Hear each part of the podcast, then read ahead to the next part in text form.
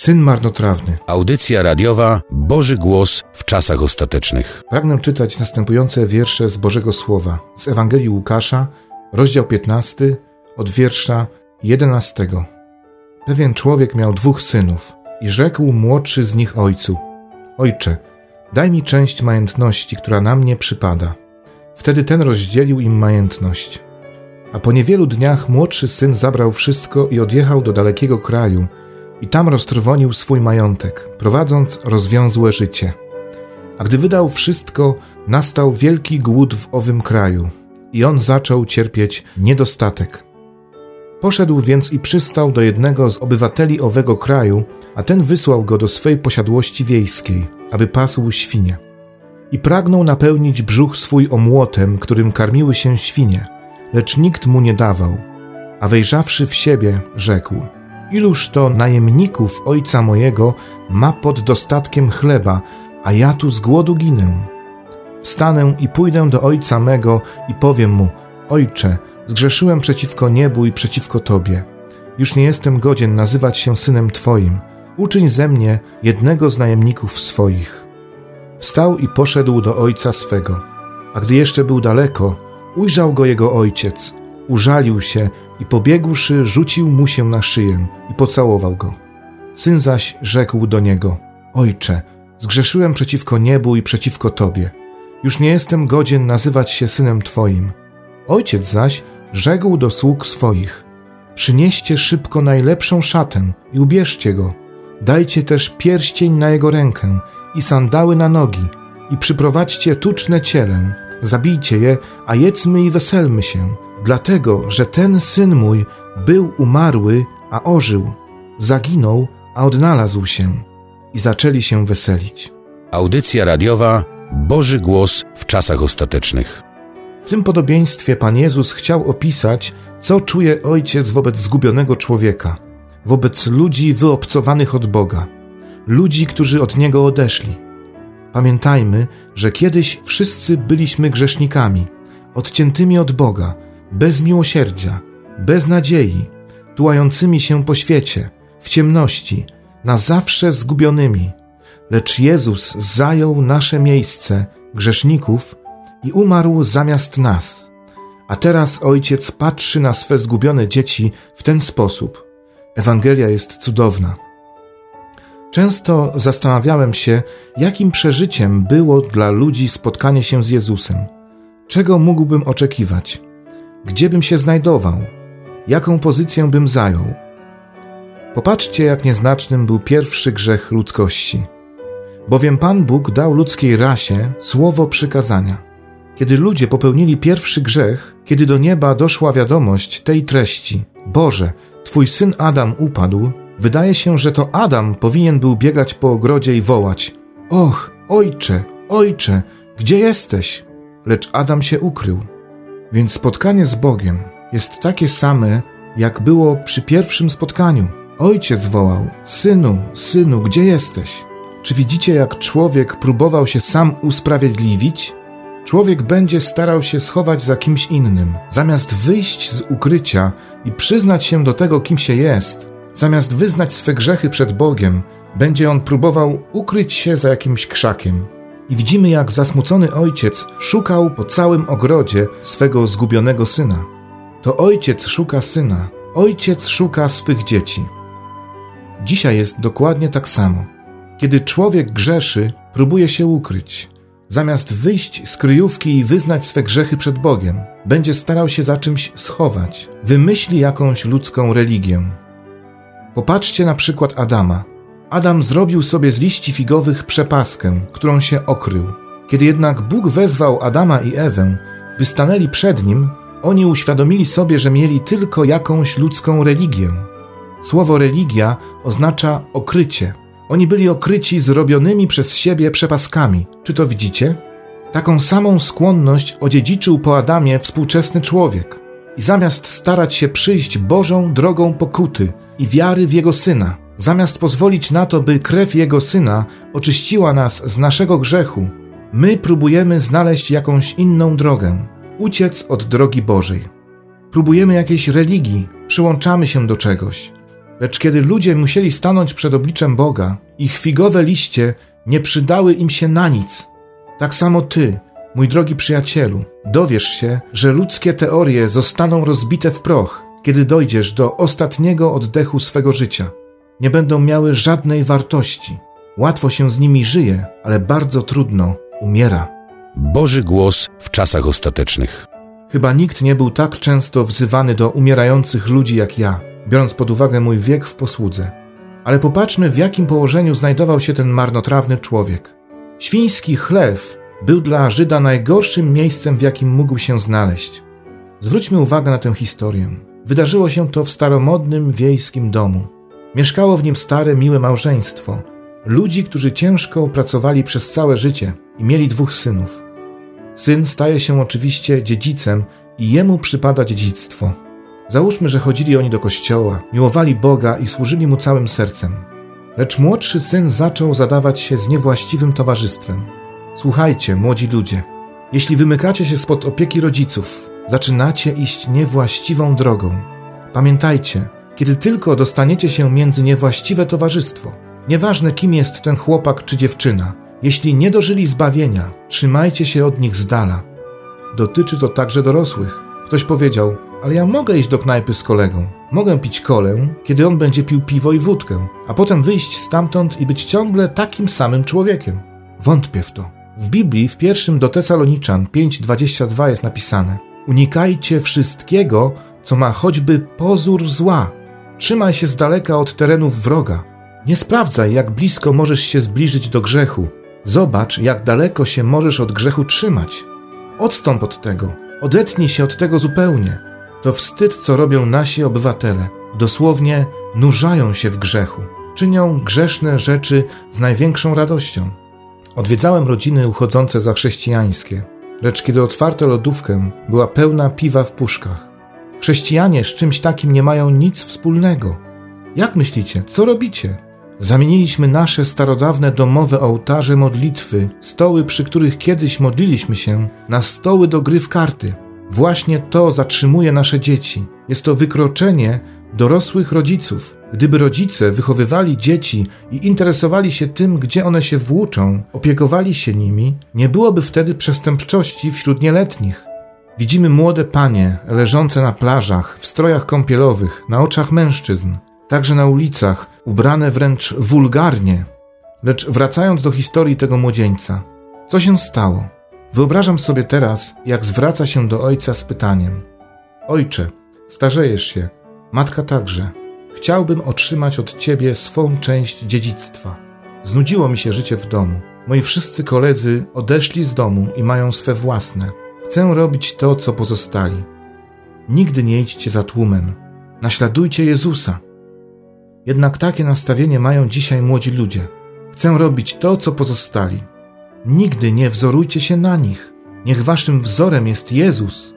Biednego i podeszłego w wieku ojca bardzo to zmartwiło. A co będziesz robił, synu? Idę do miasta, aby żyć tak jak pozostali. Zostań z matką, mówi ojciec, i ze mną. Miłujemy Ciebie z całego serca i chcemy Cię jak najlepiej traktować. Robiliśmy wszystko, co w naszych siłach. Lecz to go nie zadowoliło. Szatan złapał tego chłopca w swe sidła. Postanowił on pójść do miasta, by żyć tak jak pozostali świeccy ludzie. Sędziwa matka podchodzi do swego syna i mówi: Synku, mama przez wiele lat prała i prasowała ci ubrania, troszczyła się o ciebie. Dlaczego miałbyś to robić? Jestem ci za to wdzięczny, mamo, ale czasy się zmieniły. Nie chcę takiego życia. Będę robił to, co chcę. Jestem już dojrzały. Będę postępował tak, jak mi się podoba. Matka objęła go i przytuliła. Miłowała go po prostu, lecz on odwrócił głowę. Nie chciał, żeby ktoś go w takiej sytuacji zobaczył. Żadne okazywanie uczuć. Biblia przepowiadała, że ludzie tacy będą w ostatecznych czasach. Napisał o tym apostoł Paweł, mówiąc, że w ostatecznych czasach ludzie nie będą mieli naturalnych uczuć, będą bez serca. Tak właśnie jest w naszych czasach. Bezbożne dziecko jest władcą w domu. To one mają głos. Jest to coś nienaturalnego. Wyobrażam sobie, że matka popatrzyła tylko na swego syna, trochę się dziwiąc. Matko, nie chcę już mieć nic wspólnego z tą rodziną. Wy tylko chodzicie do kościoła. Nic innego tutaj nie usłyszę. Ojciec wystawił tabliczkę z napisem Gospodarstwo na sprzedaż. Sprzedaje starą farmę, gromadzi cały majątek i rozdziela go między synów. Kiedy wydzielono i dano naszemu młodzieńcowi jego dział, wsadził pieniądze do kieszeni i powiedział: Teraz się dopiero zabawię. Jego ojciec chodził zmartwiony tam i z powrotem. Kiedy następnego dnia nadszedł czas, w którym chłopiec miał opuścić dom, wyobrażam sobie, jak pakuje swą walizkę, aby jak najszybciej się stamtąd wydostać. Wychodząc, powiedział: Do zobaczenia, rodzino. Matka powiedziała: Poczekaj jeszcze chwilkę, synku. Pomódlmy się jeszcze raz, zanim odejdziesz. Stara matka i ojciec uklęknęli na podłodze, objęli się i zaczęli modlić się do Boga. Boże, wychowaliśmy tego chłopca. Teraz odchodzi od nas, aby się tułać po świecie. Prosimy Cię, Ojcze, otocz go swoją opieką.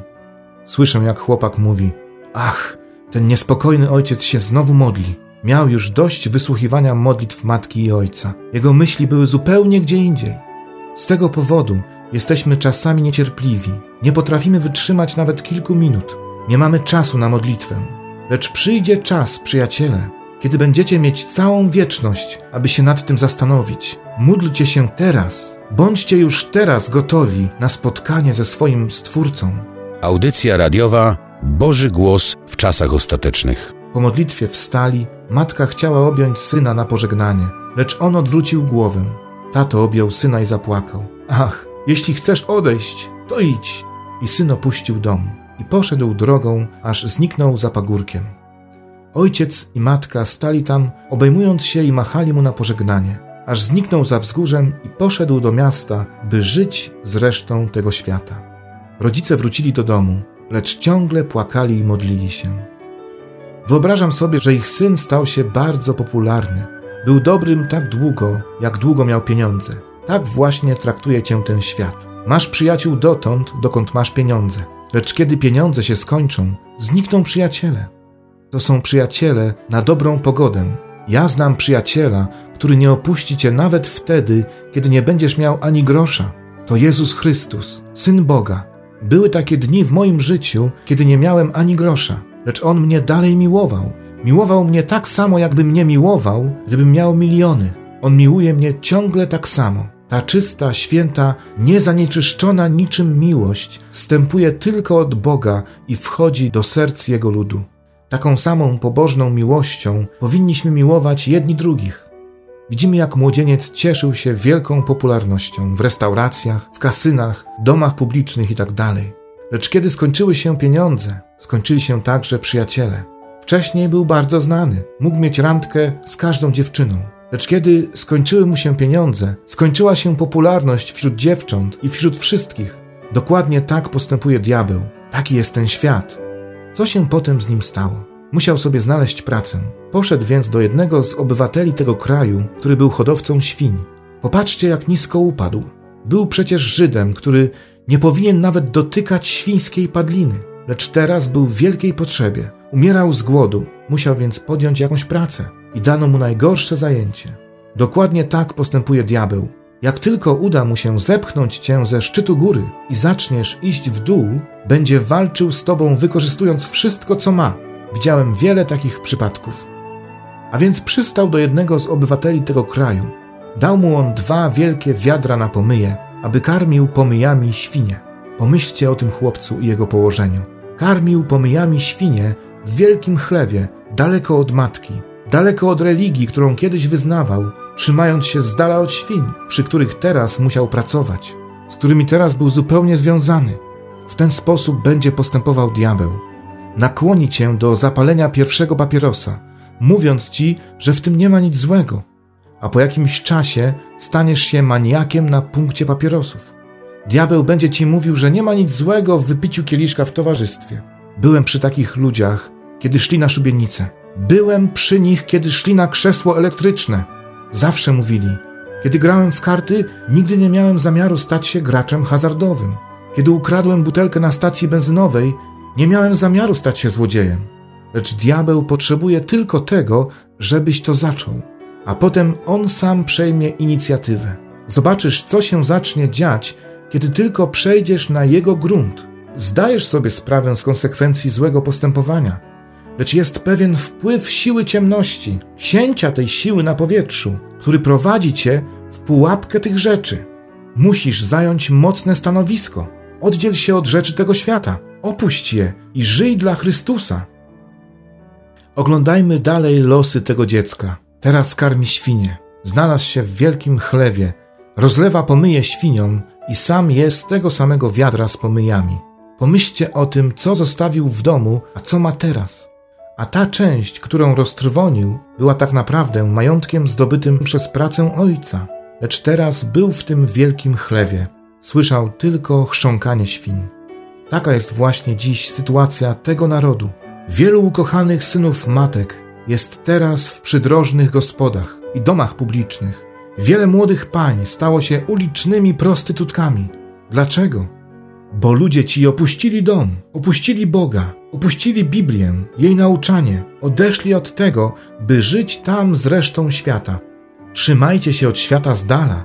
W Biblii czytamy: Jeśli miłujecie świat lub rzeczy tego świata, nie ma w was wtedy miłości Bożej. Trzymajcie się więc od tego z dala. A jeśli ciągnie cię za tymi rzeczami twe serce, wróć na kolanach do Boga. Amen. Oddaj mu swoje życie. Zostań tam tak długo, aż zupełnie przestaniesz mieć takie pragnienie. Właśnie o takiej starodawnej religii chcę do Was mówić. Tej, która chce usunąć z człowieka takie pragnienie. Otóż wyobrażam sobie tego człowieka leżącego tam w chlewie. W nocy musiało w tym brudnym chlewie cuchnąć, kiedy tam leżał w korycie obok świń. Lecz właśnie do tego chlewu przyszedł Boży Anioł i odezwał się do chłopca: Obudź się, chłopcze, a może byś wrócił do domu? Chłopak zaczął się zastanawiać i pomyśleć, że mój ojciec ma ten cały majątek i wszystko, co mi dał, a oto leżę tu w chlewie i umieram z głodu, karmię się pomyjami. Biblia mówi, że on wejrzał w siebie. Takiego właśnie wejrzenia w siebie potrzebuje dzisiaj Kościół, aby uświadomić sobie, kim jest nasz niebieski Ojciec. Bo czasami zachowujemy się tak, jakbyśmy nie mieli niebiańskiego Ojca. Przecież całe bogactwo nieba jest własnością Kościoła. Boże uzdrowienie, zbawienie, wolność od zmartwień czy czegokolwiek. Wszystko to jest własnością Kościoła. Jezus umarł i dzięki niemu stajemy się dziedzicami królestwa i wszystkich bogactw, które posiada Bóg. Ach, gdybym tylko mógł wrócić do domu, ale zgrzeszyłem i nie jestem godny tego, by tam wrócić. Co mam zatem robić? Chłopiec postanawia: Wstanę i wrócę do domu. I rusza z powrotem do domu. Kiedy ojciec i matka siedzieli na podwórzu, nagle przychodzi ich syn, obdarty i bosy. Wraca, ledwo trzymając się na nogach. Słyszę, jak matka mówi: Popatrz, wraca nasz syn. Ojciec mówi: To moje kochane dziecko. Ach, ojcze, nie jestem godny być Twoim synem, być może tylko jednym z Twych najemnych sług, lecz ja musiałem wrócić. Ojciec i matka podbiegają do bramy. Nieważne, co zrobił, ważne, że teraz wraca do domu. Ojciec wybiega mu na spotkanie, rzuca mu się na szyję i mówi do sług: Idźcie i zabijcie tuczne cielę, radujmy się, dlatego że ten syn mój był umarły, a ożył, zaginął, a odnalazł się. Włóżcie mu pierścień na palec, sandały na nogi, ubierzcie go w najlepszą szatę, jaka jest w domu. Takie nastawienie ma Ojciec Niebiański do każdego grzesznika, który dzisiaj chwiejnym krokiem przychodzi do Niego. Na świecie jest dzisiaj wiele marnotrawnych dzieci. Są marnotrawni mężczyźni i marnotrawne kobiety, a Bóg wszystkich wzywa do upamiętania. On pragnie, żebyśmy przyszli do Niego. On chce, żebyście do Niego wrócili. Marnotrawne dzieci, gdziekolwiek jesteście w tej chwili. Jeżeli jesteś zainteresowany Słowem Bożym i chcesz otrzymywać bezpłatne materiały, napisz.